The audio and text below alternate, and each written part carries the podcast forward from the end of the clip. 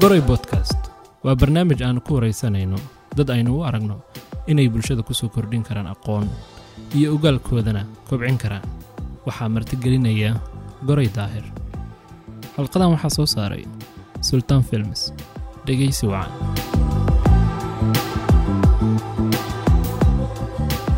Asalaamu calaykum waraxmat ullahi tacala barakaatu macaali lwasiir sacaadad dictor cabdilfataax nuur axmed bayna qowseyn ashkir soo dhowow maanta is hor fadhinaa waxaan ku faraxsan nahay in aada marti ku tahay gorey podcast waxaan rajeynayaa in wareysigeenu noqdo mid aynu si fiican u wada sheekeysan wareysi nama oran karo waxaa la oran karaa wada sheekeysi ama inaynu maanta wax badan ka faa-iidno la kulankaaga macali wasiir sacaad dictor horta labada laqab keebaad jeceshahay bismi illahi raxmaan raxiim cabdifatax aad baad umahadsan tahay runtii aad baan kuu soo dhaweynayaa labada laqab ama labada maaragtay maaragtay magac ee aan wato sida aad sheeg sida aad sheegtaba ee ah wasiirka iyo doctoorkuba labadu waxay kala leeyihiin laba maaragtay macnay kala leeyihiin. Midii waa mid dastuuri ahoo waa wasiirku. Waana shaqada guud. Alcamal alcaam bay dhahaan carabta aad dalka u hayso. Taasu waxay soconaysaa inta aad tahay mas'uuliyaddaasi aad ku magacaaban tahay. Tan kale oo haddaan u nimaano oo ah doctoorka ama darajat alfalsafa alculya bay dhahaan carabta qaarkood. Leannu b h d waa waa philosophy degree ama darajat alfalsafa falsafaduna waxaa weye ka kala timi sida la ogyahay waa faylo iyo suufiya muxib alxikma faylo qofka jecel suufiyana xikmadda jecel marka xikmadduna sida ay qeexaya qeexayso ama la yiriba waxa weye alisaabatu fi lqowli aw alcamal qofku inuu waafaqo hadalkiisuna inuu yahay hadal murtilah oo xikmadaysan ficilka uu sameynayaan inuu yahay ficil xikmadaysan waayo cilmi baarista oo dhan baa waxay ka shaqaysaa qofka inay hagto toosiso dhabbada saxda ah ku riddo. Marka labada darajo isma diidayaan laakiin waxay kala leeyihiin labo maaragtay cinwaano waaweyn. Midna waa shaqadii guud oo dalka u haysay midna waa mid la qaba oon kaa helin weligiis oo qofku uu mutaystay asaga uu leeyahay oo martay darajadii cilmiga la yaqaanay.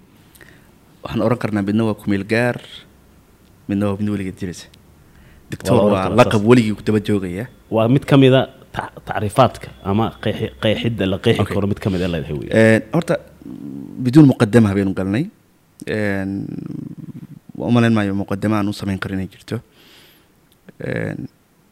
markay noqoto tacriif anaga laga yaaba inaan u baahanahay inaan istacriifiyo laakiin adiga u malayn maayo in hordhac ama qeexid aad shaksiyad aad u baahan tahay Een, su'aalahayna hore u sii wadanaynaa waxaan ku weydiinayaa ustaadii ereyga ustaadi hadday ugu badato eh, aan macalil wasiir iyo sacaad dictori ka baxo xoogaa ay dulqaado. Eh, qoraa waa tahay dabcan weliba arrimaha bulshada waxaa u qortaa.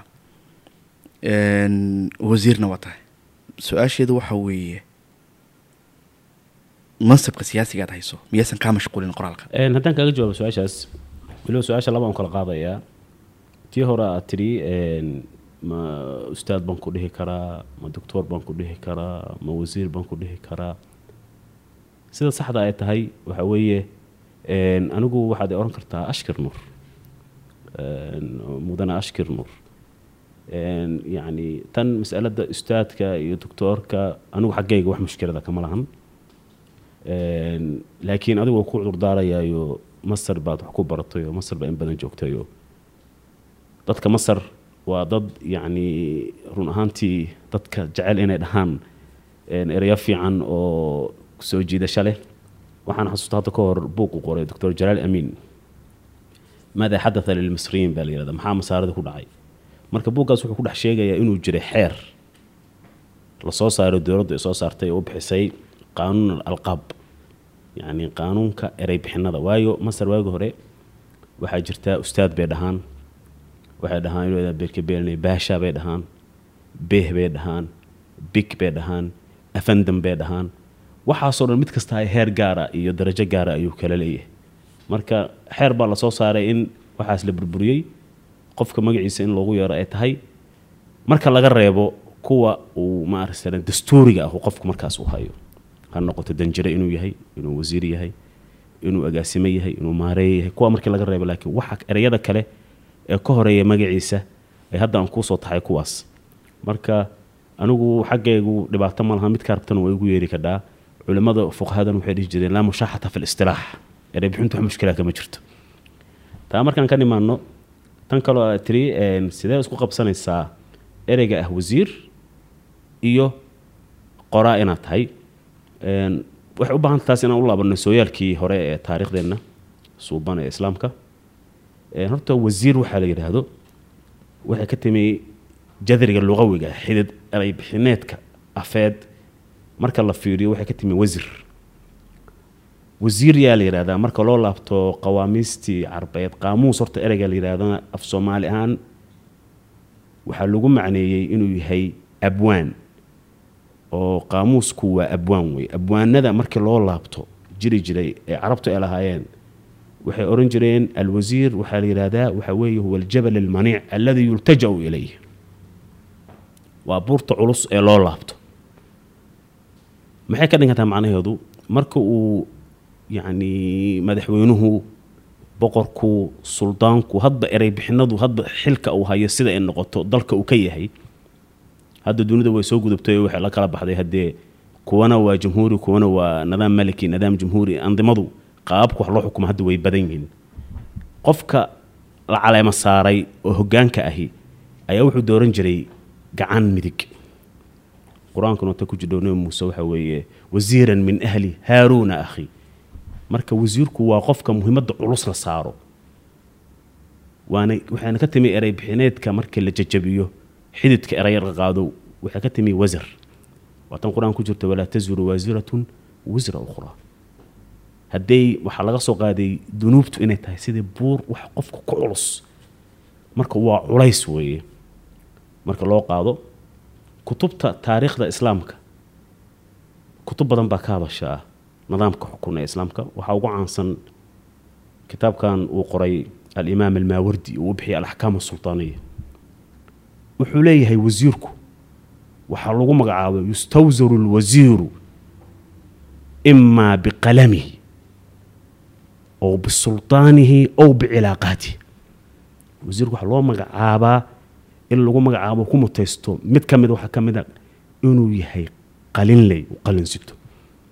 Taas waxay xusunaysaa hadalkii hadraawi uu lahaa qalinkaa wax suureeya kugu sima halkaa doonto saaxiib kal furan weeye. Hano ama sunto gacan ku hayntiisa ha daynin weligaa. Marka qalin waa loo magacaabaa qofka inuu yahay qof wax qora oo qalinley ah oo bahdaa ku jira. Oo taarikhda islaamka waxaan haynaaba dee tusaalayaal fara badan. Waxaa ka mid ah ninkii la ohan jiray yaxya alburmaki qoys dhan bay ahaayeen caa'ilat albaraamika yaxya alburmaki wuxuu ahaa nin qoraa ah oo wax qora isla ahaantaas wuxuu ahaa wasiir. Waxaa ka mid a oo xeelal soo qabtay ibnu khalduun oo aan naqaano dee buuggiisa weynaa muqadimad ibnu khalduun ninkaa caanka ahee. Yacni maaragtay qoray culum ijtimaaciya waxa la cilmiga bulshada oo taariikhda iyo juqraafiga iyo dadka iyo magaciisii waxaa ka hadlayay. Nin qoraaya buu ahaa isla marhaantaasi nin xil hayo ahaayo qaadi ah. Waxaa ka mid ah oo mas'uuliyaadka soo qabtay waxa weeye ibn xasm alandalusi oo andalus waa ninka caanka ah madhabka ka tirsanaa madhabka addaahiriya inkastoo culimmadu ay dhahaan xataa naftigeed wuxuu ahaa waxay ahayd inuu madhab asaga u gooni ah uu yeesho. Laakiin muqalid buu ahaayo sheeqiisii ayuu dab- ayuu daba socday. Laakiin marka la fiiriyo aqoon ahaan iyo fahan ahaan dee waa nin majaal kasta wax ka qoray. Xataa mar ka mida mararka waxaan ku aqriyay anuu arday ka ah suudaan buugu qoray dawq alxamaama uu kaga sheekeynaya jaceylka waa ninka qoray yani buuggan ajzaada fara badan lehee ee la yidhahda jamharat ansaab alcarab marka nin wuxuu ahaa qora ah misana mas'uulah oo wasiir ah. Marka isma diideyso sababaha ugu weyn uu qofka madaxda ahi ama madaxweynaha ahi u magacaabo qofka siyaasiga waxaa ka mid a inuu leeyahay hal abuurka qoraanimo waayo wuxuu ka caawin karaa qofkaasi siyaasiga ahi in uu aragtidiisa bulshada ka gado bulshada u raariciyo waa nin ku hubaysan waxaa loo yaqaano al- alquwa naacima awoodda dabacsan ee ku salaysan dadka inay wax ka dhaadhiciso. Marka labadaa laqab isma diidayaan way iskeenayaan. Taariikhdeennana dee dad fara badan oo wax qora misena mas'uuliin ah baa jira. Waxaan tusaale dhow soo qaadan karnaa maadaama adigu aad thaqaafa carabiyata oo carab wax ku baratay qoraaga weyn ee sacuudiga wuu dhintaa loo naxariistay danjiruu noqday wasiir xilal fara badan buu qabtay. Waa ninkii la ohan jiray doctor ghazi alqusaybi waagiis horena wuxuu ku bartay dalkan masar jaamacad alqaahir ka baxay kuliyad daarulculuum marka isma diido labadu balse way iskabtaa waa isbaritaadhaa okay labada kee baa daacad tahay? Haddii tusaale ahaan maamulka aad ka tirsan tahay ama xukuumadda aad ka tirsan tahay iyo shacabka aad qalinka u qaadatay isku dhacaan yaad la safanaysaa dowladuhu waxay ku shaqeeyaan aragtida bulsho ama shacabkooda ku shaqeeyaan qofka mas'uuliyadda qaadaana wuxuu mas'uuliyad u qaaday inuu bulshadiisa u adeego qofka qalinlayda ah ama wax qoraayay mar kastaa wuxuu u shaqeynayaa waa dadkiisa weeye taa in la ogaada horta asal ah dowladda waxaa la yidhaahdana haddee dadku labay u kala saaraan. Wuxuu ku leeyahay dowladdii baa saate asigaana dowladda ah. Waayo dowladda laguu sheegayo marka la tacriifinayo waa dadka dhulka cirka biyaha yacni waxaasoo dhanba waxay isku yihiin dowla marka qofku sidiisaba maadaama uu galay heshiis bulsho dowladdii asagaa ah marka wax laba kala saaran ma jiraan. Qoraaguna wuxuu u adeegaa dowladdiisa aragtidooda ku shaqeeya shacabkiisuuna matalaa labada kun iyo saddexdii ama labadii miyaad igu tiri waan ka tegay dalka suudaan baan jaamacad u aaday noloshaas bal wax yar dib u laabo. Dalkii dalkeennii soomaaliya qaranjabkii kadib markuu dalka dumay anigu dabcan bilowgii sideetemeeyadii waxaan ku dhashay muqdisho. Dalkii markuu dumay anoo nin yara baan soo qaxay waxaan imi boosaaso booso dabadeed oo ka sii gudbay waxaan sii aadnay yeman dadkii ugu horeeyey oo yeman u qaxay oo soomaali ahaa baan ahayn.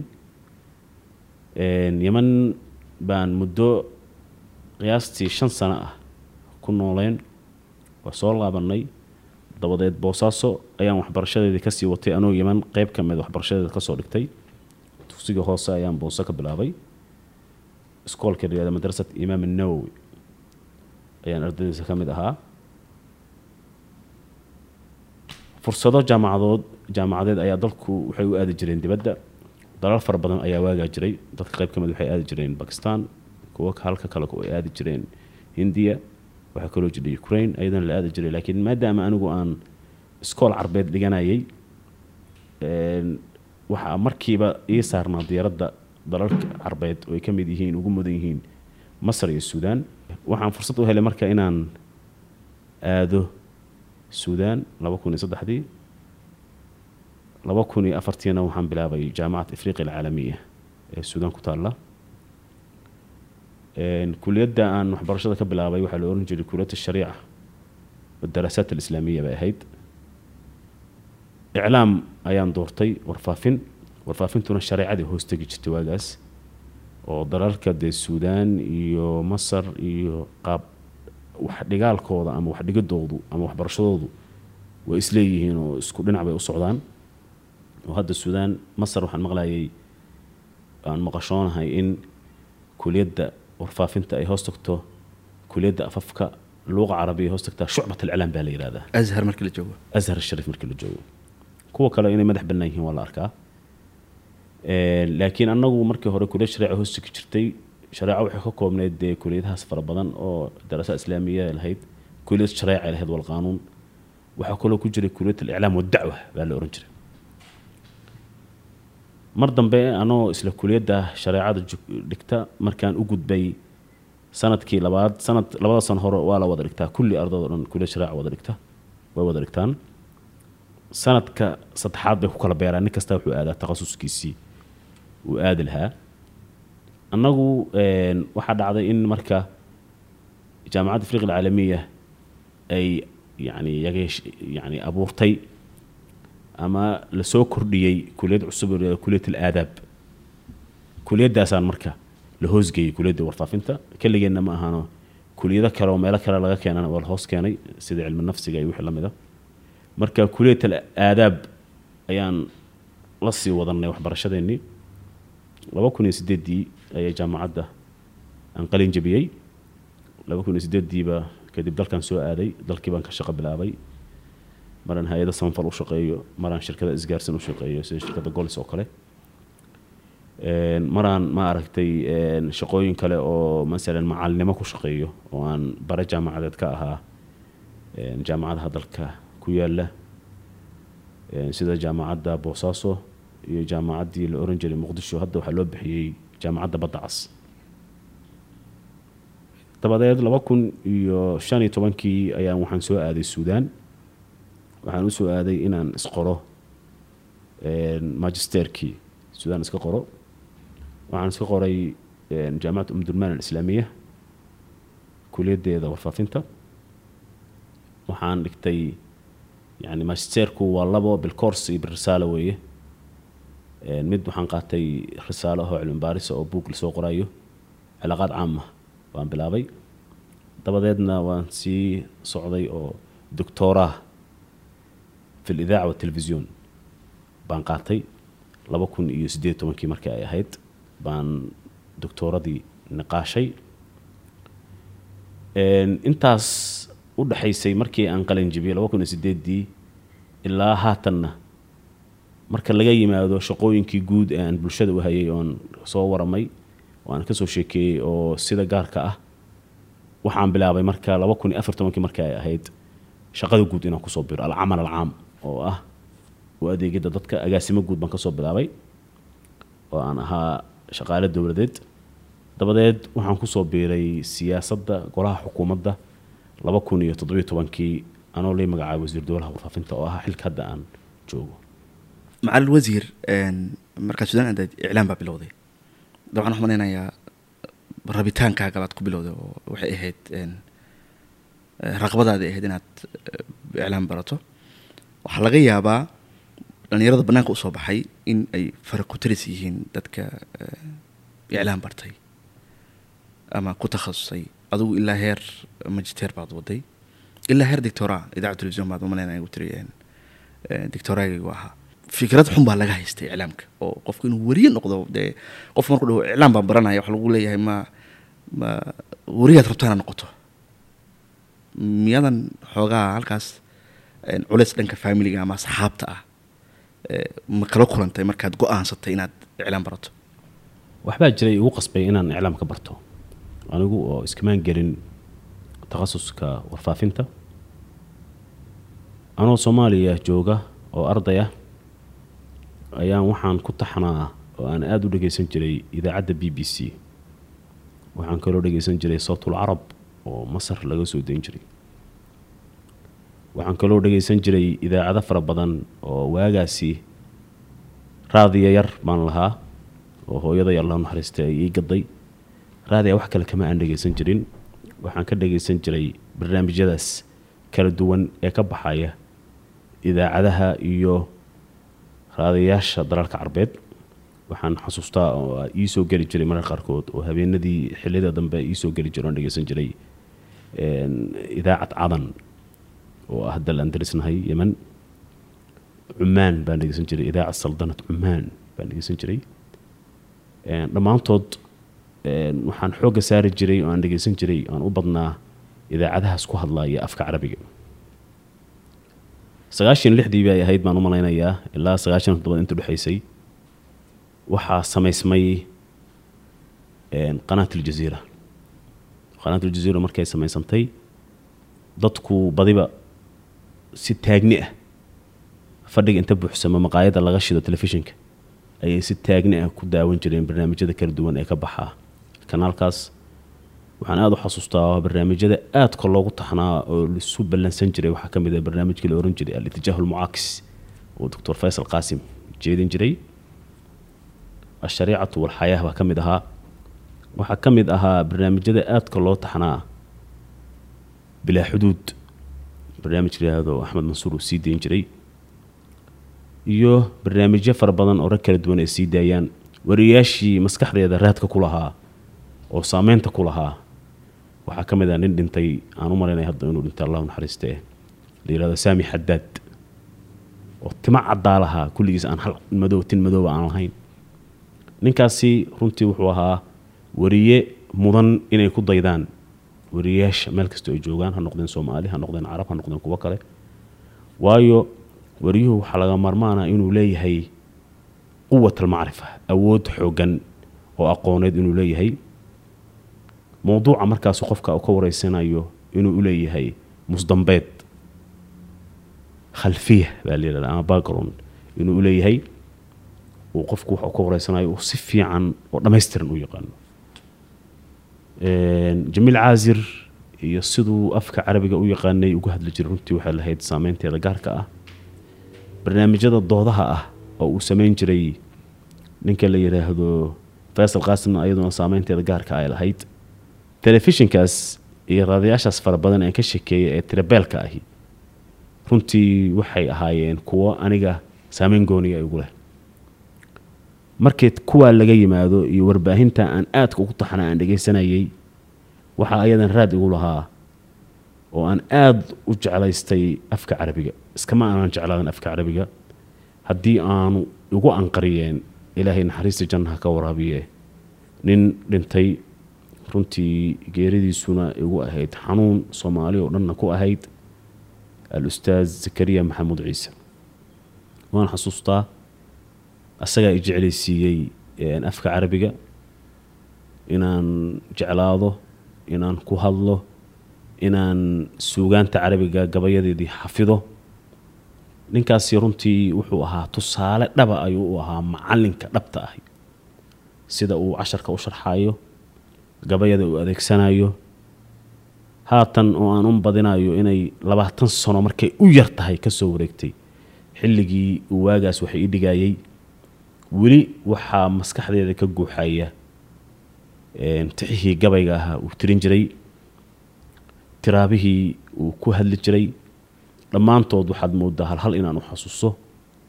Waxaa ka mid ahaa wuxuu aada u jeclaa gabayada markay noqoto kuwa cusub axmed shawqi ayuu aada gabayadiisa u soo deliishan jiray. Wuxuuna oran jirin qum lilmucalimi wafiihi tabjiilan kaada almucalimu an yakuuna rasuula. Waxaa ka mid ah dadkii hore almutanabi is leedahay dhammaan gabayadiis uu xafisanaa albuxturi abu tamaam almucalaqaat asabc waxaan xasuustaa inuusan macalinkaasu iiga hari jirin oo keli ah. Aniga si gaaruu ii bartilmaamaysan jiray oo uu jeclaa in uu ma aragtay igu abuuro ama igu beero jaceylka afka carabiga. Runtii wuu isoo gardaadiyey xagga afka carabiga ah. Waxaan xasuustaa aanun ilaawen weligay fasalka markii la joogo. Aniguna waxaan u samaysnaaba weligay in maadooyinka cilmiga ah kuma aan ficnayn halka aan saari jiray darajada ugu sareysa maadooyinka adabiga ah. Sida afafka taariikhda juquraafiga daraasaadka islaamka dhammaantood kuwaasi aad baan ugu ficnaa wuxuu igu abaalmarin jiray maalin kasta gabayada uu noo diro waxaan ahaa ardaygii ama labada arday oo keliya fasalka ee wuxuu u diro soo xafidi jiray. Gabayuu noo dhigi jiray oo soo xafidi jirnay. Taa waxay keentay boosaaso waad magaalada aragto waa magaalo xeebeed badda cas dhacda. Xilliga xagaaga dadku waa ka xagaa baxaan qoysaska. Ciyaalada iyo xaasasku waxay aadaan magaalooyinka ku dhow waxaa ku hara keliya dadka inta waaweyn iyo inta shaqaysa. Ciyaalka badi waxaa la geeyaa magaalooyin ku teedsan ama ka fog xoogaaba boosaaso si ay jawiga qawowna dhowrkaa bilood magaalada kulasha ay uga fogaadaan ugana soo caanaystaan jawi gadisna ama hawo gadisna u noqoto. Qardho ayaa dhacday inaan dhowr jeer u xagaa baxay. Ustaad zakariya allah naxariistay waa uu yeeri jiray. Waxaan xasuustaa wuxuu xafidsiiyey imaam shaafici gabayadiisi. Oo aan badiba xafiday waagaas xilli ka mida ah xilliyadaas xagaaga ah iga dhagaysan jiray weliba. Gabayadii aan xafiday gaarka aan xusto waxaa ka mid ah gabaygii uu imaam shaafici uu ku bilaabaya dacil ayaama tafcalu maa tashaau wadib nafsan ida xakama alqadaa'u walaa tajdac lixaadisati layaali fama lixwaadisi dunya baqaa'u wakun rajulan fi lhawaali jaldan washiimatuka asamaxatu walwafaa'u وإن كثرت عيوبك في البرايا وسرك أن يكون لها غضاء تستر بالسخاء بكل عيب يغطيه كما قيل السخاء إلا لقارة مش أوضن بس وصف الحمى وكما قبل أن حصصت واقع حفسي وكشكينا ينين يعني ما عرفت حمد كل عضي laakiin wuxuu u sawirayaa sidii in gacla sidiisu soo booqanayso kale wasaa'irtii kaana biha xayaaun falaysa tazuurunii ila fi dulaami badaltu laha almadaarifa walxashaaya facafatha wabahtat fi cidam ustaad zakariya asaga asaga waxaan oran karaa waa ruuxii ugu horeeyey ee iidhiga marka laga yimaado maadat aladab alcarabi albalaaqatu walnaqd altashbiih alkinaaya balaaqada culumteeda kala duwan ha noqoto macaani ha noqoto bayaan ha noqoto badiic dhammaan maalinba wuxuu ii dhigi jiray fanni ku saabsan funuunta balaaqada mid waafaqaya gabayada uu ii dhigaya mid ka mid a mucalaqaad sabco waxay ka xafidsiiyey ustaad zakariya iyo ku aqrintiisa ku anqarintiisa ugu anqariyey ama igu daadihiyey afka carabiga ayaa waxay horseed u noqotay inaan jeclaado warfaafinta. Waxbaan qori jiray. Aniga nin kale oo saaxiibkay ahaa meeluu ku dambeeya ma aqaan hadduu hadda daawado. Wareysigaan laga yeelanayso ilahay idinka way soo xiriirin doonaa shiraa la oran jiray joornaal baan wada qori jirnay soo saari jirnay. Joornaalkaas waxaan u bixinay adwaa asharq. Aniga ninkaasu waxaan ahayn dadyowga uu ustaad zakariya u doortay ama uu jeclaa in ay dhaxalkiisa noqdaan hadhow dadka u adeega oo bara afka carabiga. Runtii haddooda aan kula hadlayo waxaan kugula hadlayaa hadal dareentaabad leh. Waayo ninkaasu sida uu nooga tegayna si waxay ahayd lama filaan ah. Wuxuuna ahaa runtii haddii aan hadal soo kufiyo oo hadalka aan meel ku soo kufiyo ustaad risaali macallin xambaarsan fariin uu dadka raba inuu gaarsiiyo. Wuxuu abuurahayay jiilal dadkan u ilaaliya afkooda waayo in afka carabiga la bartaa oo la ilaaliyaay waxay qayb ka tahay in afkii soomaaliga la ilaaliyo haddii aan taa ka nimaano u soo laabanno tii hore oo ahayd warfaafinta. Markaas soo ifbaxday oo ay ugu horeysay idaacaddii ama telefishinkii aljaziira iyo idaacaddii b b c. B b c du ayaa ka horeysay aljaziira waayo aljaziira warfidiyeenka ka shaqa bilaabay badidood waxay ka yimaadeen. B b c bay ka yimaadeen ka shaqayn jireen marka intaas kale ugama harin. Marka markaan suudaan u soo dhoofahayey waxaa maskaxdeeda ku jirta inaan galo kuliyadda warfaafinta iyo iclaamka. Waayo waxaa i jeclaysiiyey saan kuu sheegaba labadaas arrin oo saameyn ku lahaa waa nolosheeda wax badanna ka bedelay ma jirin hormuud soomaaliyeed oo dhanka iclaamka ama oo oo no- noloshaada saameyn ku yeesha ama qayb ka ahaa rabitaankaas aad ku dooratay ama doorashadaas aad ku dooratay kuliyadda iclaamka. Markii aan galay kadib kuliyadda iclaamka runtii dee idaacaddii soomaaliyeed ee waagaa jirtay b b c da ayaduna istaag lagu dhageystay ahaayeen oo dadku way ku taxanaayeen runtii wayna jiraan dee hurmudyo fara badan oo saameyn ku leh nolosheeda. Oo soomaali ah oo warfidiyeen ah. Laakiin gadaal ayaan ka bartay waxa ku horeeyay nolosheeda kuwa aan bartay waxay ahaayeen qolyahaas. Waa meelaha aan ku dhaliilayo warfaafinta ama een, warfidiyeenka soomaaliyeed inay ka gaabiyeen. Een, barnaamijkan een, waxa weeye idaaja uu soo daayo oo afka soomaaliga ah oo ka bixi jiray v o da waxaan aaminsanahay inuu yahay barnaamij jeclaysiiyey jiilalka annaga naga yaryar afka soomaaliga dadka waxaa habboon inaan loo barin afkooda dhinac qawaaciddiisa iyo naxwihiisa. Taasi waxay keenaysaa dadka inay ka cayriso.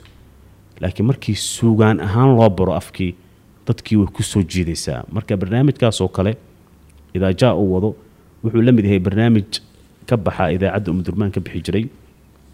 Markii dambena annaga soomaali iyo suudaanna na dhex maray barnaamij tabaadul idaaci maruna dhex maray ay noo soo dhiibeen oo la oran jiray lisaanul carab ayuu la mid yahay. Waayo dadku alluqa dadka kuma- jeclaadaan laakiin dadku wuxuu ku jeclaadaan waxa weye allisaan. Waxaa la yidhaahdaa qur'aanka kariimka ah culammadu markay ka hadlayaan kuma soo degin luqa carabiya laakiin wuxuu ku soo degay bilisaanin carabiyin mubiin. Alluqa waa wax hoose tasriifka marka ereyga la furfurana wuxuu ka yimi lagw qur'aanka waa tan ku jirta waladiina hum cani lagwi mucriduun laakiin qur'aanku wuxuu ku soo degay albayaan oo ah heerkii ugu sarraysa luuqad. Luuqad saddex baa loo kala qaadaa. Kow alluuqa waa meesha ugu hooseysa. Waxaa ku xiga almantiq mantiqa tayr qur'aanka waa tan ku jidha. Shimbiruhu kay ku wada hadlaan. Waxaa ku sii xiga kalaam waxaa ugu sareeya albayaan oo aftahamo ah.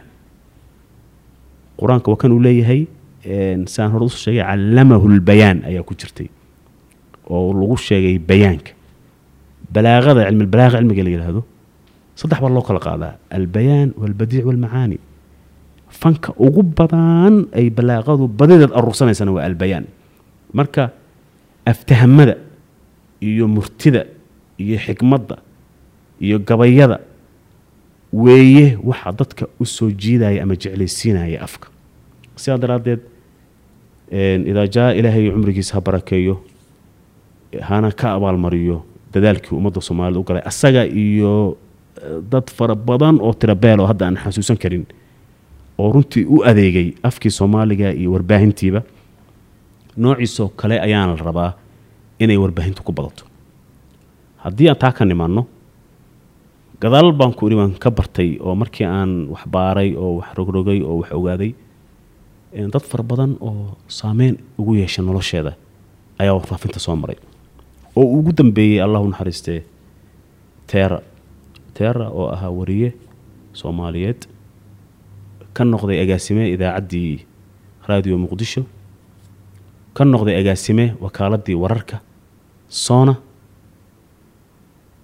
Teera runtii wuxuu ahaa shaksi daacad u ah mihnadiisa iyo xirfadiisa wariyenimo dhowaanna weli ima soo gaarin buugga laakiin waxaa lii soo dhiibay buug uu qoray laakiin anigu lii soo diray oo aan aragtideeda ka dhiibtay intuuna soo bixin ka hor diiwaanka warbaahinta soomaaliyeed baa la yidhahdaa waa buug aan asagoo kale runtii aanan arag.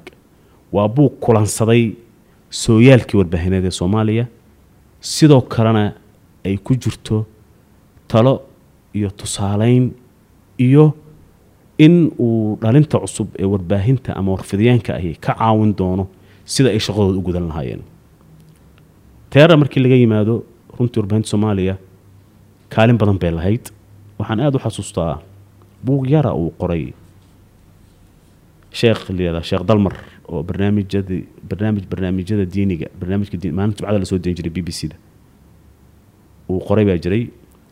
Waxaan ku arkay sheekh dalmar runtii oo ah nin thaqaafa carabiya leh maaragtay wariye caanana ah. Wuxuu sheegay in erey bixino badan ay warbaahinta soomaaliya sameeyeen. Waxaa ka mid a ereyga la yidhaahdo bariga dhexe asharq al awsat. Warbaahinta soomaaliyeed baa soo kordhisay weliba b b c da soo kordhisay. Waxaa ka mid a alaqmaar asanaaciya baan dhahnaa annaga carabi ku dhahnaa. Cirfidiyeen ama ruwaad alfadaa waxaa ka mid a ilaho yaadan beerka beeline ma aragtay bariga dhexe waan sheegay ruwaad alfadaana waan sheegay iyo ereyo badan oo noocaasa in ay ku soo dareen warbaahinta soomaalida oo aan erey bixino jiri jirin. Waxaa ka mid a oo kale aan ilaaway inaan xuso. Ereygan dhahaya commonwealth waxay u bixiyeen barwaaqa sooran ereyadaas badi waxaa bixiyey cabdulaahi xaaji waa uu noolyahan u malaynaya ilahay cumrigiisa barakeeyo asagana. Warbaahintu markaa soomaalidu dhibka jiraa waxaa weeye waxbana kamaysan qorin. Badina dadka soo galaya ama ka shaqaynaya warbaahinta ma ayan ahayn dad dee sida kuwa aan hoga tusaaleeyey carabtoo kale ah. Yacni ka yimi musdambeed afka ah musdambeed suugaanta ah musdambeed aqoon kala duwan ah. Waayo wariyaha waxaa looga baahan yahay waa ruuxa keliya oo laga rabo in aqoontiisu ay noqoto aqoon duruqsan dhakhtarku wuxuu la mucaamilaa dad kooban. Wuxuuna bartay xanuunada iyo waxa jirka ku yimaada si loola tacaalo. Halka injineerku qaab dhismeedka iyo dhismaha iyo guryaha uu bartay qof kasta iyo mihnad kasta shaqadeedu way xadidan tahay. Mihnadda laakiin maskaxda la macaamilaysa dadka. Hadday soomaali tahay masalan soddon milyan soddonkaa milyanba qofka la rabo inuu la macaamilo soddonkaas milyan wax kala duwan leh. Waxay leeyihiin qof aqoontiisu aada u sareyso mid aqoontiisu meel dhexe tahay mid ku sii xigto mid ay u hoose. Waxaasoo dhan waxaa la rabaa dadkana inuu maskaxdooda quudiyo looga baahan yahay waa wariyaha. Warbaahintu ama warfaafintu saddex shaqay qabataa waa tawciya wacyigelin way samaysaa waxay kaloo samaysaa entertainment waxay dhahaan madadaalo waxay kaloo samaysaa waxbarid marka waxbariddii qofkii dadka waxbari lahaa haddii aanu ummad kale waxba dheereen uusan wax dheeri ah uusan asagu huwanayn dee waxba uma soo kordhin karo marka wariyaha asagaa laga rabaa in aqoontiisu ay noqoto aqoon kala duwan wax kala duwan uu aqriyo een, thaqaafo waasica uu leeyahay. Carabtu waxay tidhahdaa yaa macshar alculamaai yaa milxa albalad man yuslixu lmilxu ida lmilxu fasad. Milixdiiba hadday xumaato yaa wax hagaajinaya. Masalan cunada milix lagu daraa way dhadhabay u yeeshaa soo maaha. Dhadhamadiiba hadday xumaato maxaa la dhadhaminaya wariyaha asagaa laga rabaa inuu dhadhan isku yeelo. Nin la yihahda xasan saati oo suudaani ah oo aan qoraaladiisa aad u aqrin jiray journaal wuxuu soo saari jiray aakhir laxda. Wuxuu yidhi wariyaha waxaa looga baahan yahay ugu yaraan bishii shan buug oo kala duwan inuu aqriyo dunida oo dhanna daraasaadka la sameeyey waxaa la sheegay qof kasta oo raba inuu hogaamiye noqdo ugu yaraan konton buug waa inuu aqriyaa sannadkii wariyuhuna waa hogaamiyaasha dunida qofka ugu mudan inuu hogaamiye noqdo. Waayo asagaa la rabaa inuu bulshadii iyo ummaddii hago. Asagaa la rabaa dadkii inuu ku toosiyo waddadii iyo jidkii saxda ah oo loo baahnaa. Asagaa la rabaa dadkii inuu u soo kordhiyo aqoon cusub. Marka waa inuu asagii ku hubaysan yahay aqoon si uu fariintiisa aqooneed u gaarsiiyaa dadka kale.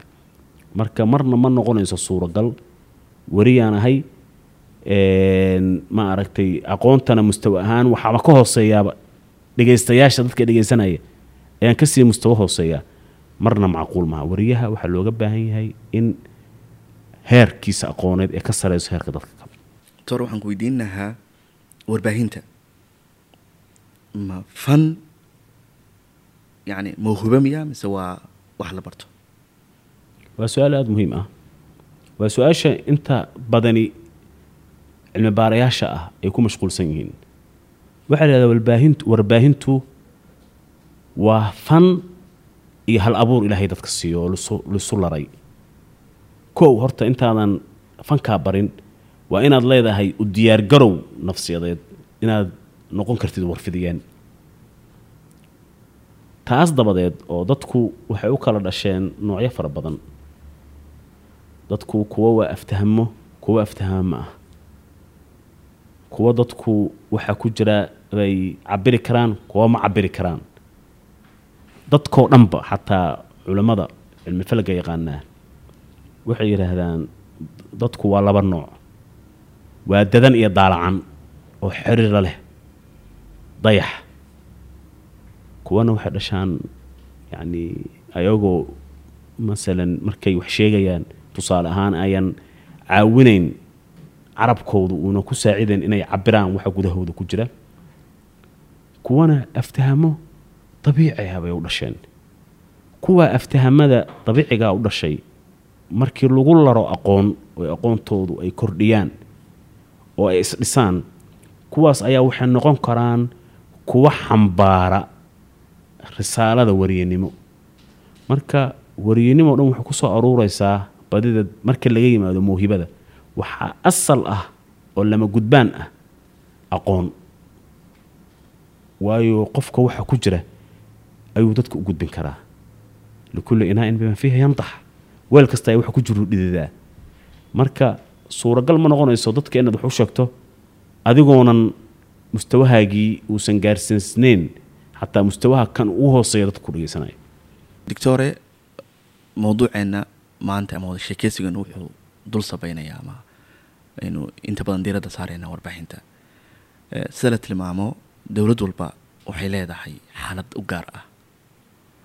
Eh, ama tashriicaad gaar ah ayay leedahay ee warbaahinteedu. En, mawaadiic ay maantay dowlado badan oo yurubiyan ah dadkoodu ka doodaan ama eh, warbaahintoodu ay lafa gurto maantay waxaan u malaynayaa soomaaliya iyo dowladaha kale la mid a africa ah kama kama doodi karaan. Su'aashaas adaan ku weydiinayaa heer noocee ah ama marxalad noocee ah ayay warbaahinteenu maraysaa. Waa su'aal muhiima. Soomaaliya kale warfaafinteedu waxay u baahan tahay inay xoogga saadho nabadda waxay u baahan tahay xoogga inay saarto. Horumarinta waxay u baahan tahay xoogga inay saarto wacyigelinta bulshada saad u sheegtay weeye heerar buu kala kala leedahay warfaafintu. Marna isku mid ma noqon karaan warfaafinta ka shaqeynaysa dalalka yacni horumarka la taaban kara gooyey yurub maraykan iyo wixii la mida iyo dalalka soo koraya hadda isku heer ma marayaan isku baahina ma aha. Sidaa daraaddeed maadooyinka lagu qaato warfaafinta waxaa ka mid ah aliclaam fi duwal annaamiya warfaafinta dowladaha soo kobcaya maxaa u dan ah? Maxay xoogga saarayaan? Maxay diiradda saarayaan marka hore? Maxayse ka fogaanayaan? Oo aanan maaragta u adeegeyn ajandahooda guud. Warfaafinta sideedu waxaa looga baahan yahay oo saaran mas'uuliyad ahaan waxaa weeye in mas'uuliyad ijtimaaciya wax leedaa jira oo ah social responsibility bulshadaadu mas'uuliyad baa kaa saaran. Mas'uuliyad bulshadu ka saaran waxaa weeye inay ka shaqeeyaan wax kasta oo bulshadooda ay ku jirto caafimaadkeeda. Waxaan aada kula yaaba waxaa ka mid ah warfaafinta soomaaliya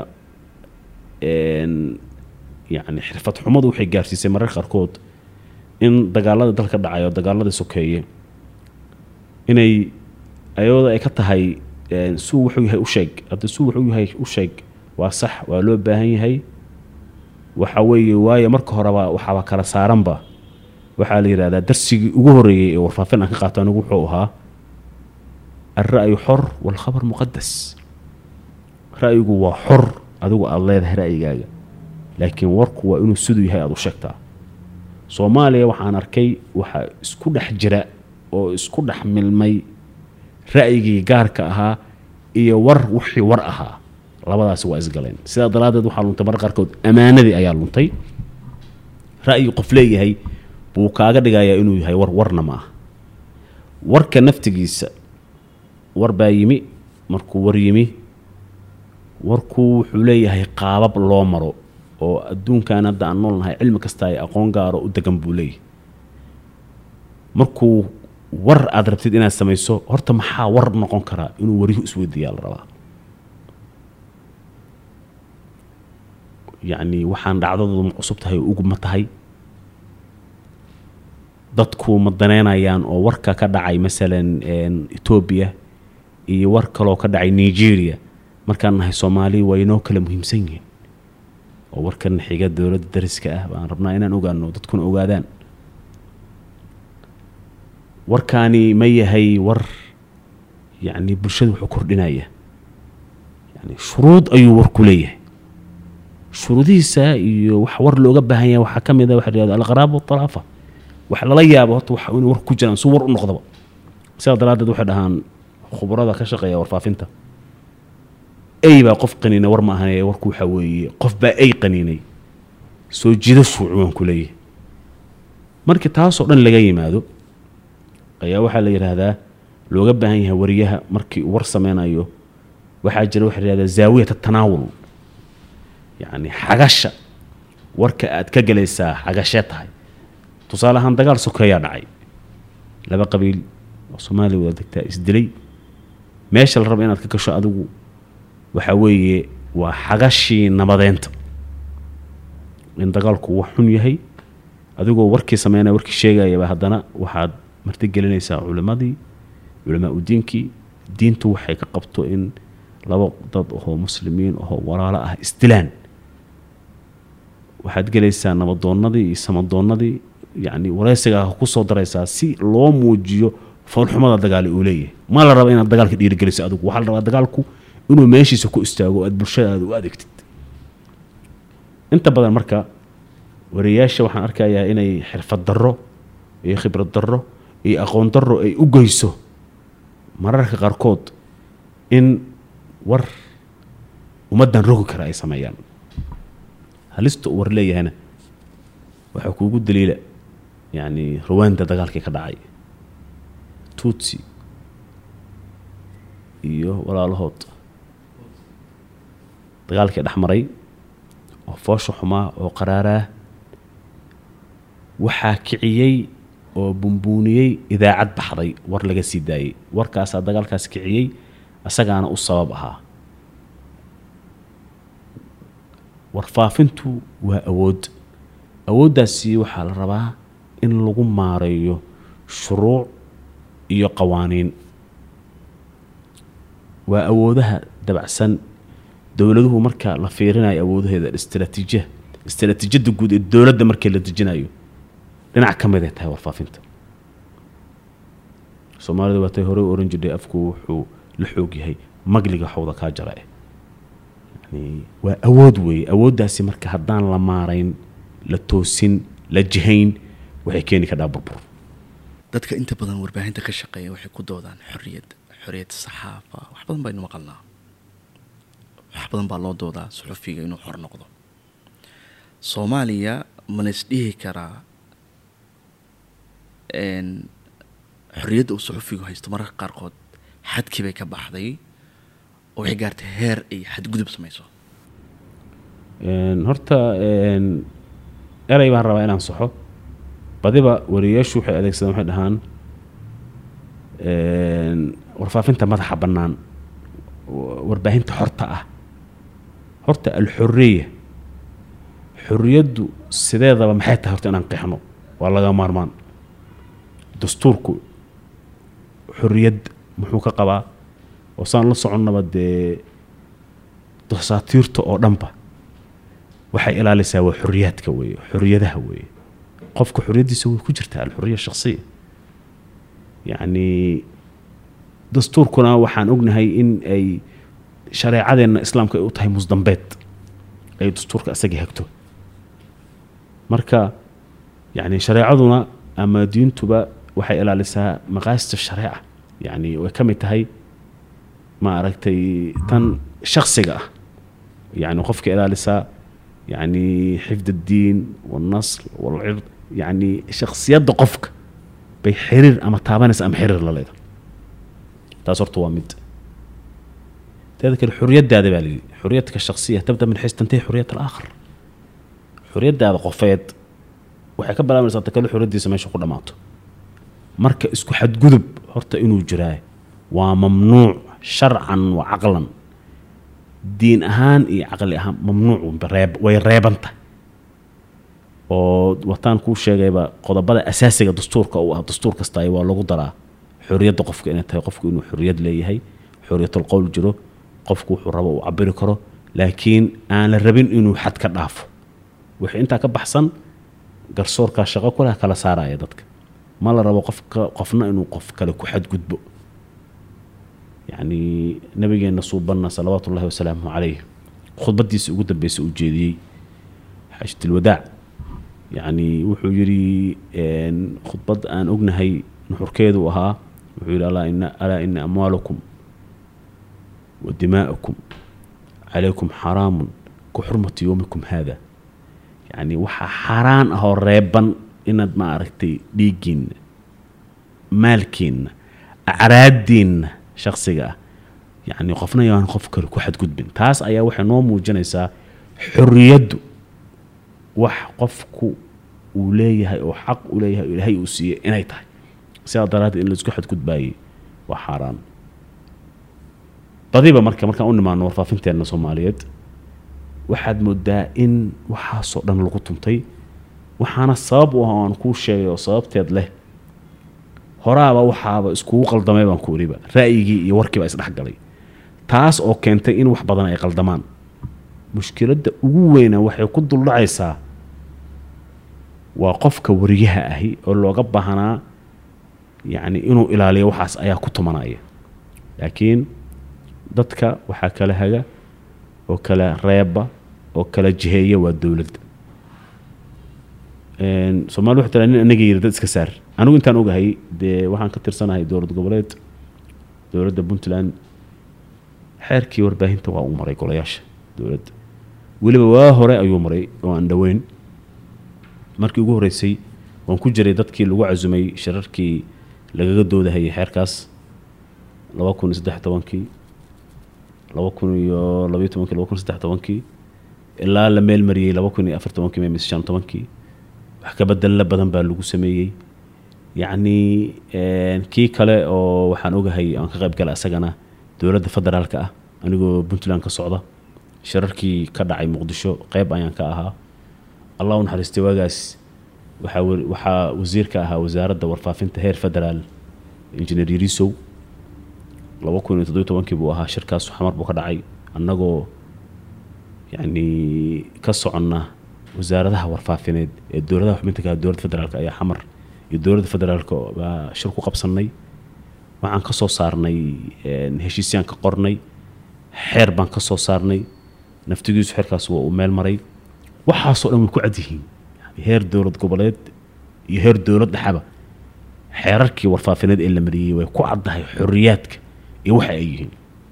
Doctor su'aashan waxay ku saabsan tahay noocan maa su'aal shakhsiya? Waxayna hoos imaanaysaa booskaaga siyaasadeed mansibkaaga siyaasadeed waxaad ku takhasustay oo aad majiteer ku diyaarisay cilaaqad caama. Cilaaqad caama macnaheed waxa weeye in aad dadka ka iibiso ama aad ku qanciso muasasada aad ka shaqayso afkaarteeda ha noqoto muasasa tijaariya ama muasasa ha noqoto uh, siyaasiya ayankan. Si gaar ah bulshada reer puntland ama bulshada soomaaliyeed si guud. Amaba guudka kale aan u sii baxnay beesha caalamka aragtida aad ka iibiso oo uu dowladda dani ay kuu dooratay waa maxay? Waa su'aal fiican oo meesha ku jirta. Saaad u sheegtay waxaad ka hadashay alcilaaqaat alcaama public relations xiriirka guud. Xiriir guud sad la socotaba dee wuxuu ka shaqeeyaa wax kale ma ahan asuura dihniya yacni sawir maskaxayd ayuu ka bixiyaa hay'adda qofka markaasi uu rabo inuu dadka gaarsiiyo fariinteeda. Fariintaasoo ku socota laba jamhuur laba qole ku socota qolo gudaha iyo qolo dibadda. Ah ayadoo uu u maraayo dee qaabab kala duwan yacni sida aan ku qaadanay dee cilaaqaad caama xiriirka dadweynaha. Sideed qaab oo kala duwan ayuu u maraa. Warfaafinta ka mid a qaababka dadka loogu gaarsiiyo. Fariinta qofka uu xambaarsan yahay ama uu rabo dadka inuu ka gado annagu dowladda haddaan nahay dee dowladdu warfaafinteeda xukuumadeed ama dowladeed ayadaa gaar u leh. Oo masalan waxaan anigu ogahay oo aan marna ka soo noqday agaasimo guud t v raadiyaha dowladda puntland. Waxaa lagu asaasay waxay ahayd shacabkuna inuu aragtidiisa ku dhiibto dowladduna waxqabadkeeda ku soo bandhigto waa laba arrin oo laba dhinac ka kala socdo oo la wadaago weeye. Waxaa laga daayaana marka ugu dambeysaa waa aragti dowladeed. Dowladdu waxay qabatay waxqabadkeeda waxay damacsan tahay meesha u socoto inay dood abuurto dooddaas dadka doodaan wixii ka soo baxa dooddaas dowladdu ka faa'iidaysato ay wax ku saxdo wixii ka qaldamay wax cusubna ay soo kordhiso. Way asalka horta marka hore loogu talagalay. Taas way jirtaa oo waana taan ka shaqeynaba. Walow warfaafintu sida la socono dee dowlado ay ka mid yihiin chinaha iyo maraykankuba ma leh wasaarad warfaafineed. Ayagay u taal oo ayagaa qaatay manhajkaas waayo warfaafinta waxay u sii gudbiyeen. Warfaafintu laba aragti baa lagu maamulaa. Aragtina dee waa warfaafinta baxaysa oo saan kuu sheegay gadaysa aragtidaas dowladeed. Waxay dhahaan eh, iclaam xukuumi iyo iclaam caam. Public yani aragtida mid lagu maamulo sida tan b b c da oo kale haddaan tusaale u soo qaadano. B b c da raadiyaha iyo telefishinkaba aragtida dowladda gadaa laakiin un si public ah baa loo maamulaa. Oo dowladduna ayadoo aragtideeda maamulayso laakiin hay'ad ahaan baa yaa si public ah maamulkeedu u shaqeeya dee heerar kala duwan bay soo martay oo dadkuna in ogyihiin baa la rabaa. Waxa la yidhaahdo xor iyo warbaahin xor ah. Ma jirto warbaahin kasta ay waxay gadanaysaa. Aragtideeda iyadu waxay damacsan tahay. Badiba soomaalida ama jiilalka cusub waxaan arkayaa inay iskaga dhex qaldan yihiin eray bixinada iyo sooyaalka. Hadda markaan u nimaano oo kale masalan b b c da maxaa la ohan jiray magaceeda hore? Magaceeda hore markaad ogaataad garanaysaa waxay ka shaqaynayso hadda. Inaad ka dugtoonatana loo baahan yahay. B b c da magaceeda hore waxaa la ohan jiray waxay hoos tegi jirtay hay'at almustacmaraat albriطaaniya dowladaha ingiriisku ay gumaysteen yani eray xataa naftigeeda soomaalidaa saxan. Waa gumaysi maaha mustacmar isticmaar waa dhisid. Reer galbeedku waxay ka sameeyeen dunideennaana ma ahayn dhisid. Wuxuu ku tilmaamay waxa weeye qoraagii weynaa ee reer maqribka ahaa ee la ohan jiray malik bin nebi al istixmaar dameyrsi saa daraaddeed aragti buu sameey al isticmaar walqaabiliya yani dameersi iyo inaad u nugushahay in lagu fiiri. Waxay dhahaan carabtu idaa lam takun munxaniyan falaa axada yarkabak. Haddii aadan adigu foorarin qof ku rukuubsan karaayo ma jiro.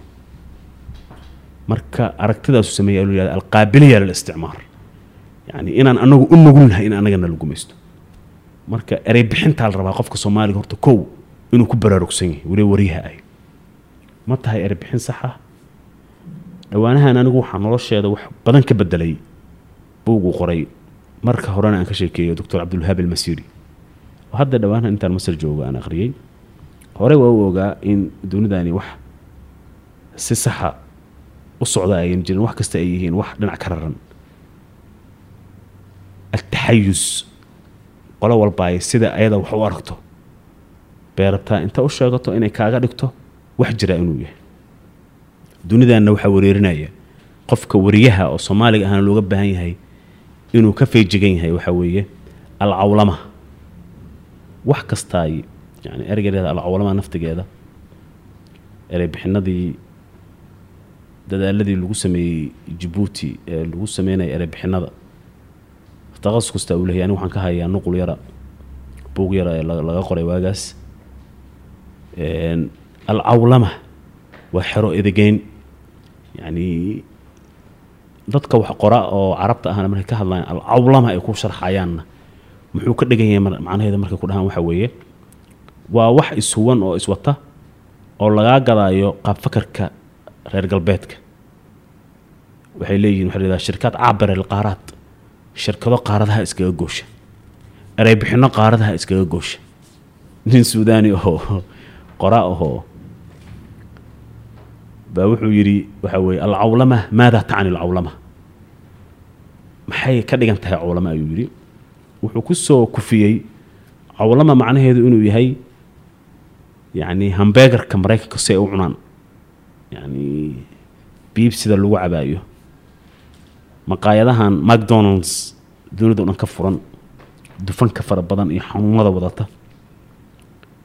Waa taas wey alcawlama yacni dunida oo dhan ba waxaa laga dhigayaa wax kooban oo aragtida ku shaqeynaysa yacni maraykanka iyo reer galbeedka. Waa tan ay bilaabeen marka maadaama ayagu ay isgurayaan oo ayagu isbaabi'inayaan be waxay bilaabeen marka inay gadaan waxa la yidhaahdo siraacu lxadaaraat xadaaradaha ama ilbax ilbaxnimada adduunka ayaa hardan ka dhexeeya. Halka dadka muslimiinta ah. Waxaan xasuustaa mufakiriinta muslimiinta ee waagaa noolaa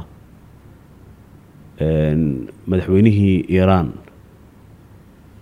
Waxaan u malaynayaa inuu oran jiray magaciisa maxamed khatimi inuu wax ka qoray. Suudaan jaamacad ku taallay oo la yidhahdo jaamacad niileynna waxay fudhay machad oo bixisay machad xiwaar alxadaaraat. Siraacu lxadaaraat xadaara xadaarado isdilahaya oo hardamhaya ma jiraane waxaa loo baahan yahay inay jiraan xiwaaru lxadaaraat xadaaraduhu inay wada hadlaan. Aan wada hadalno waan heshiino waan aragtida saxda ah qofka loo baahan yahay in waxaaga aad suuq geysatid. Dacwadan islaamka ah faafinta diintan maxay ka dhigan tahay? Waxay ka dhigan tahay ilbaxnimadaada inaad dadka kale ka gadaysid.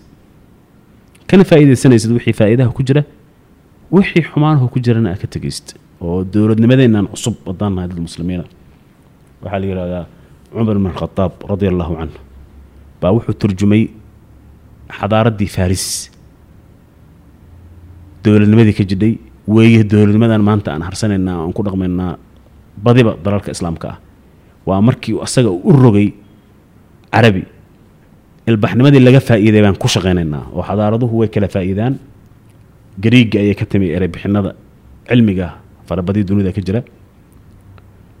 Yacni maraykanku laakiin eh, samuel huntington buu ahaa magaciisaan u malanaya ninka qoray siraacu lxadaaraat dabadeed waxaa ku xigsaday nin kaloo la yihahda fokayama oo asagana qoray waxaa la yidhaahdo nihaayat taarikh wakhaatimat albashar. Taariikhdu waa dhammaatay aadamuhuna waa soo gabagaboobay. Dee taasna annagu ma oran karo haddaan nahay dad muslimiina waayo qofka muslimka ahi mar kastaay waa qof ku nool yididiilo nabigeena salawaatu ullahi wasalaamuhu caleyh wuxuu yidhi idaa qaamat alqiyaama wa fii yaddi axadikum khisla falyaqrisha buunku hadduu yeero qofkiina uu gacanta ku sido yani abuur uu gacanta ku haya markaa ha abuur. Yacni waa nolol yacni dabisu dhiib ah mido midka kale u dhiibayo marka aragtidoo taa ku salaysan in laga hortagaa loo baahan yahay. Waxaa looga hortagi karaa koliya wax kale ma ahan. Inaan leenahay waxa la yihahdaa fiqhi taxayus. Waxa ay sheegayaan yacni caafimaadka naftigiisu waxay ka dhigeen caafimaad ku dhisan lacag iyo maadda. Xataa waxay soo kordhiyeen takhasus cusub oo caafimaadka yihahdo adib alwaqaa'i. Caafimaadka horta oo ujeedkiisa siduu yahay dhakhaatiirtu ay sharxayaan uu yahay. Dadka in wax laga kasbado oo la boobo oo la cuno oo ujeedkooda intaasuu yacni daaran yahay. Waxaa ka mid a se wax u cabiraan.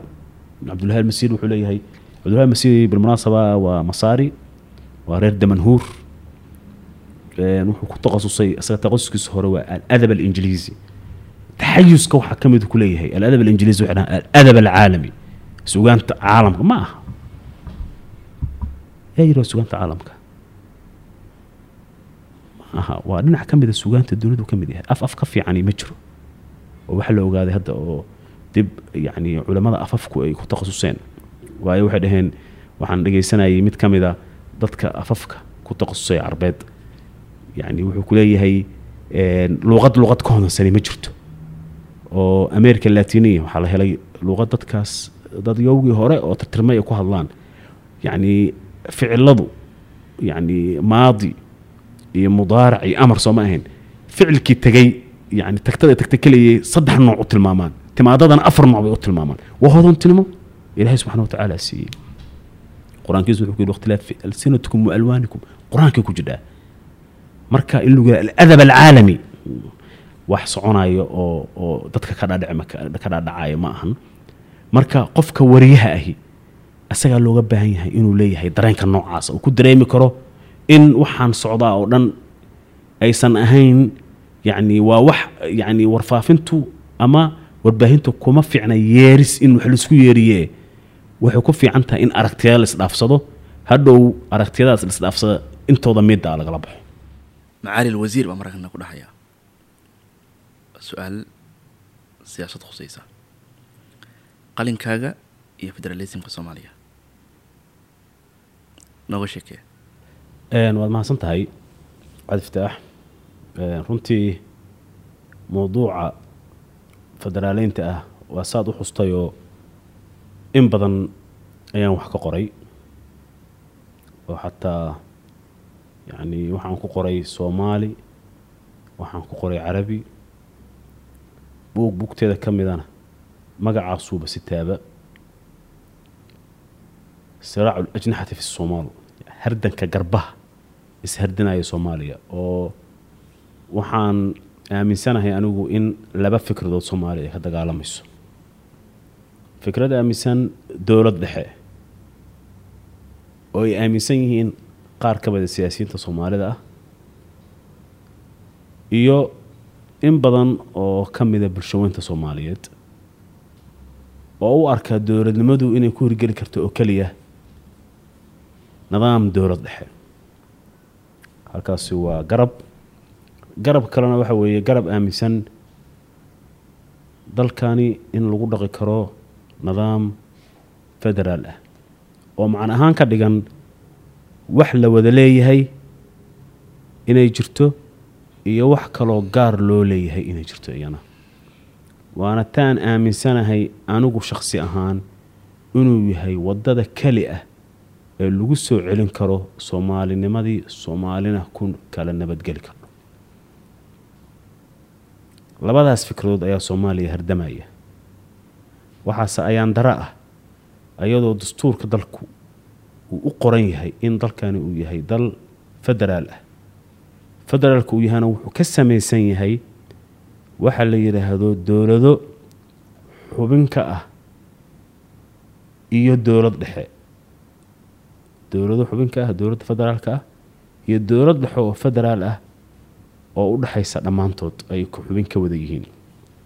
Sidaas ayuu dastuurka dowladda federaalka ah ama jamhuuriyadda federaalka ee soomaaliyeed u dhigan yihiin federaaleyntuna ma ahan fikrad annagu hadda aan ugu horeynay soomaali inay qaadato. Waxaa la yidhaahdaa la sheegaa boqol iyo labaatan iyo sideed dowladood oo dunida ka tirsani inay nidaamkaas federaalka ah ku dhaqanto.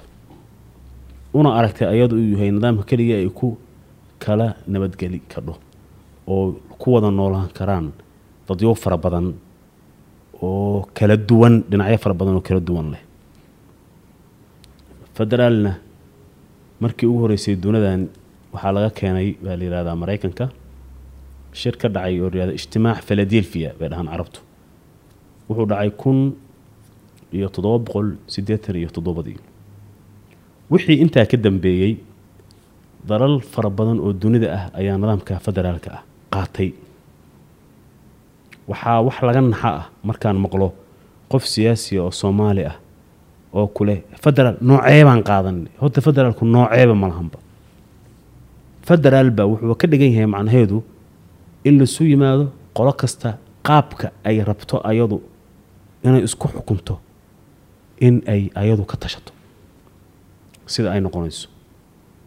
Mid mid kale waa u ekaan karaa laakiin weyba kala ma aragtay noocee horta nooc gaara oo federaalka uu leeyahay ma jiro. Anigu aragtida intaan ka akhriyey hadda maraykanka oo kale wuxuu ku dhisan yahay dowlad dhexe iyo alwalaayaad. Gobollo dowlad goboleedo madaxweyne leeyihiin dowladda hoose ee gobolkana ninka u sareeya waxay dhahaan governor turk masalan aan dhehe canada oo kale waxay leeyihiin muqaatacaad iyo dowlad sare oo waxaa la yidhaahdaa canada waxa weeye waa malkiya dastuuriya federaaliya ah waa boqortooyo dastuuri haddana federaal ah. Nidaamkooda dowlad goboleed wuxuu u dhisan yahay muqaatacaad waxaa la yidhahdo suwaysar oo yurub haddaan aadnana waxay u kala baxaan kantonaat ayaa dhahaan imaaraadka haddaan u nimaanaa waxay dhahaan alimaaraat alcarabiya almutaxida imaaraat imaarado isku tegey oo tii u dambeysay ay ku soo biidhay kun sagaal boqol toddobaatan iyo afartii oo isu yimi boqorro carbeed oo samaystay toddoba imaaradood kale ah oo samaystay maxaa imaaraat alcarabiya almutaxida dowlad dhexe oo abuudabay caasimad u tahay weeye annaga soomaaliya markaan u nimaano marka si u dhisan tahay soomaaliya waxay u dhisan tahay waxa weye waa dowlado xubinka ah dowlad federaal waa sida dastuurka uu qorayo sidaa daraaddeed waxaan arkaa erey ay inta badani soomaalidu ka fiirsan. Soomaali haddaan nahayba sida hadaayan horan aan ka soo sheekayba aan ka soo sheekeeyaba erey bixinadu kama fiirsadaan. Waayo erey bixintu qofku marka dambe raad ayay ku yeelataa naftiisa. Waa inuu ka fiirsadaa marka. Erey bixin kasta sida tahay waa inuu u dhigaa. Wariyuhu marka dhibka ugu badan oo jira waxa weeye soomaali wariyayaashoodu xataa waxaan arkay markay ka hadlayaan waxay ku leeyihiin een, dowladda federaalka ah iyo maamulada. Ereyga la yihahdaa maamulada ma ahan erey saxa oo dastuuri ah. Haddaad wariye tahayna waxaa loo baahan yahay ereyga siduu ugu qoran yahay dastuurka inaad u tirahdid sidii lagu heshiiyey. Sidii lagu heshiiyey labaa kuu bannaan inaad ma tirahdid inaad tirahdid dowladaha xubinta ka ah dowladda federaalka ah. Haddii ay taasi kugu dheeraato waxaad odhan kadhaa dowlad goboleedada ama dowlad goboleedka hadda kii kuu sahlanaada adiga marka aad baan ula yaabaa runtii markaan arko qof siyaasi oo ku leh ee, maamulka puntland maamulka jubbaland maamulka koonfur galbeed maamulka hirshabelle waa wax tootali baal marsan waxa laga shaqaynayo waxa ka shaqaynaysid inaad taqaanana waa muhiim. Qawaacid alfiqiya qaacida fiqiya jidha oranaysay alxukmu calaa shayin farcun can tasawurihi shay markaad rabto inaad ka hadasho horta waa inaad aqoon u leedahay. Waxay ka tahay reflection. Waxa aad ka shaqaynaysaa waxaad aqoonta adiga u leedahay inay tahay. Sidaa daraadeed erey bixin aadan ka fiirsan aan loo mayldayin markaad siyaasadda la soo gasho waxay qaldaysaa ama majaraha ka leexinaysaa siyaasaddii asalka ah ee loo shaqaynayay marka federaalismka ama federaalnimadu waa nidaam lagu kala ammaan heli karo dalkuna ku degi karo siyaasiyiinna dalka lagu maamuli karo ama lagu hogaami karo saan anigu aaminsanahay. Dhib ma jiro yacni saan u soo sheegay horeyba dowladba walba ay si gooni ah ayay u shaqeysaa wixii lagu heshiiyaana lagu shaqeeyaa. Laakiin ma jiro waxa la yihahdo nooc nooc noocee federalism la rabaa. Waa qof diidanba federaalnimo dalka in lagu dhaqo. Waxaan xasuustaa een, mawduucan aad baan wax uga qoray. Sidaa daraaddeed waxaan raadin jiray wax kastoo xiriira leh federaaliinta inaan helo. Buug baa jira. Nin imaaraati oo qoraa uu qoray doctor maxamed huweydan la yihahdo waxaa la yihahda alfederaaliya fi limaaraat almaadi walxaadir walmustaqbal. Marka buuggaasi waan ka waayay maktabadaha badi way ka dhammaadeen dabcooyin fara badan buu ka daabacay. Dabcaddii afraad buu marayaa. Emailkiisaan helay warqad baan u diray. Buuggaasaan rabaa wakaasaa ninka ninkaasaan ahaan waan isu sheegay. Wuu ii soo diray marka buuggii oo b d f uu ii soo diray. Warqad buu ii soo raaciyey marka buugga. Emailka. Wuxuu yidhi waad mahadsan tahay inaad buugga raadinaysay waana kaaga mahad celinaya runtii waana kaas. Nidaamkan federaalka ah ereyga uu qorayba marka saameyn lahaa. Wuxuu yidhi nidaamkan federaalka ah waa nidaam ay ku kala magan heli karaan oo ay ku kala badbaadi karaan. Dad diin ahaan iskhilaafsan af ahaan iskhilaafsan dhaqan ahaan iskhilaafsan xataa aragti ahaan iskhilaafsan waana tan soomaalida gudaheeda. Ah soomaalidu waxaa lagu kala duwan yahay aragti ahaan. Nidaam baan soo tijaabinay. Dalkan wuxuu soo maray koob iyo labaatan sano oo ay ciidan xukumayeen. Ka horna eh, waxaa weeye dowlado aan saldhigan weli oo bilow ah baa soo jiray. Waxaa la arkay in taladu ay meel ku aruurtaa. Waxaa dhaanta in la baahiyaa. Markaad federaal federaalismka u barbardhigtid culumtan casriga oo jirtana na- hogaanka ugu fiican ee maamul waxaa la yihahda hogaamiyaha tafwiidka sameeya. Ergeynta kan hogaamiyaha wax ergeeya ayaa lagu tilmaamay inuu yahay hogaamiye fiican. Federaalnimaduna waa wax ergeen weeye. Taa markii laga yimaado annaga haddaan nahay soomaali dad waxaan nahay boqolkiiba boqol muslim ah. Diinteena islaamka markaan u nimaano nabigeenna salawaatullaahi wasalaamuhu calayh qayb ka mid a saxaabada u tagtay waxay wax ka weydiiyeen reer madiina Een, madiina waa taa waxay caan ku tahay timirta. Yacni waa tuu xataa ninkii yidhi kabaa'ica tamrin fi suuqi hajar. Yacni qof timir geeyey madiina waa dee qof aan waxba la socono dadkao dhan baaba timir ka shaqeeya mugta marka waxay dhaheen nebi allow timirta markii la isku talaalo. Marka warku nabigeena erey buu yidhi marka salawaatu ullahi wasalaamu caleyh wuxuu yidhi antum adraa fi shu'uuni dunyakum idinkaa yaqaan sida adduunkiin. Yacni nidaamka yacni dadka isku maamulayaan oo ay rabaan inay isu hagaan. Yacni waxaa la rabaa musdambeedkiisu anaga haddaan nahay dad muslimiin inuu noqdo islaamka inuu noqdo laakiin qofka sida hoose teega hoose uu wax asagaa yaqaan. Marka intaa markaan ka nimaano madhab ahaan waxaan nahay madhabteennu waa shaaficiyo. Waxaana la yidhi alfatwa tataqayaru bitaqayur الzamani walmakaan fatwadu wuxuu isku bedeshaa booska oo isbedela iyo waqtiga oo isbedela oo mas'alad sida buuniga qofka ahoo caalimka ahi markuu joogo yurub uga fatwoonayo ugama fatwoonayo siduu markuu africa ama soomaaliya joogo way kala duwan tahay.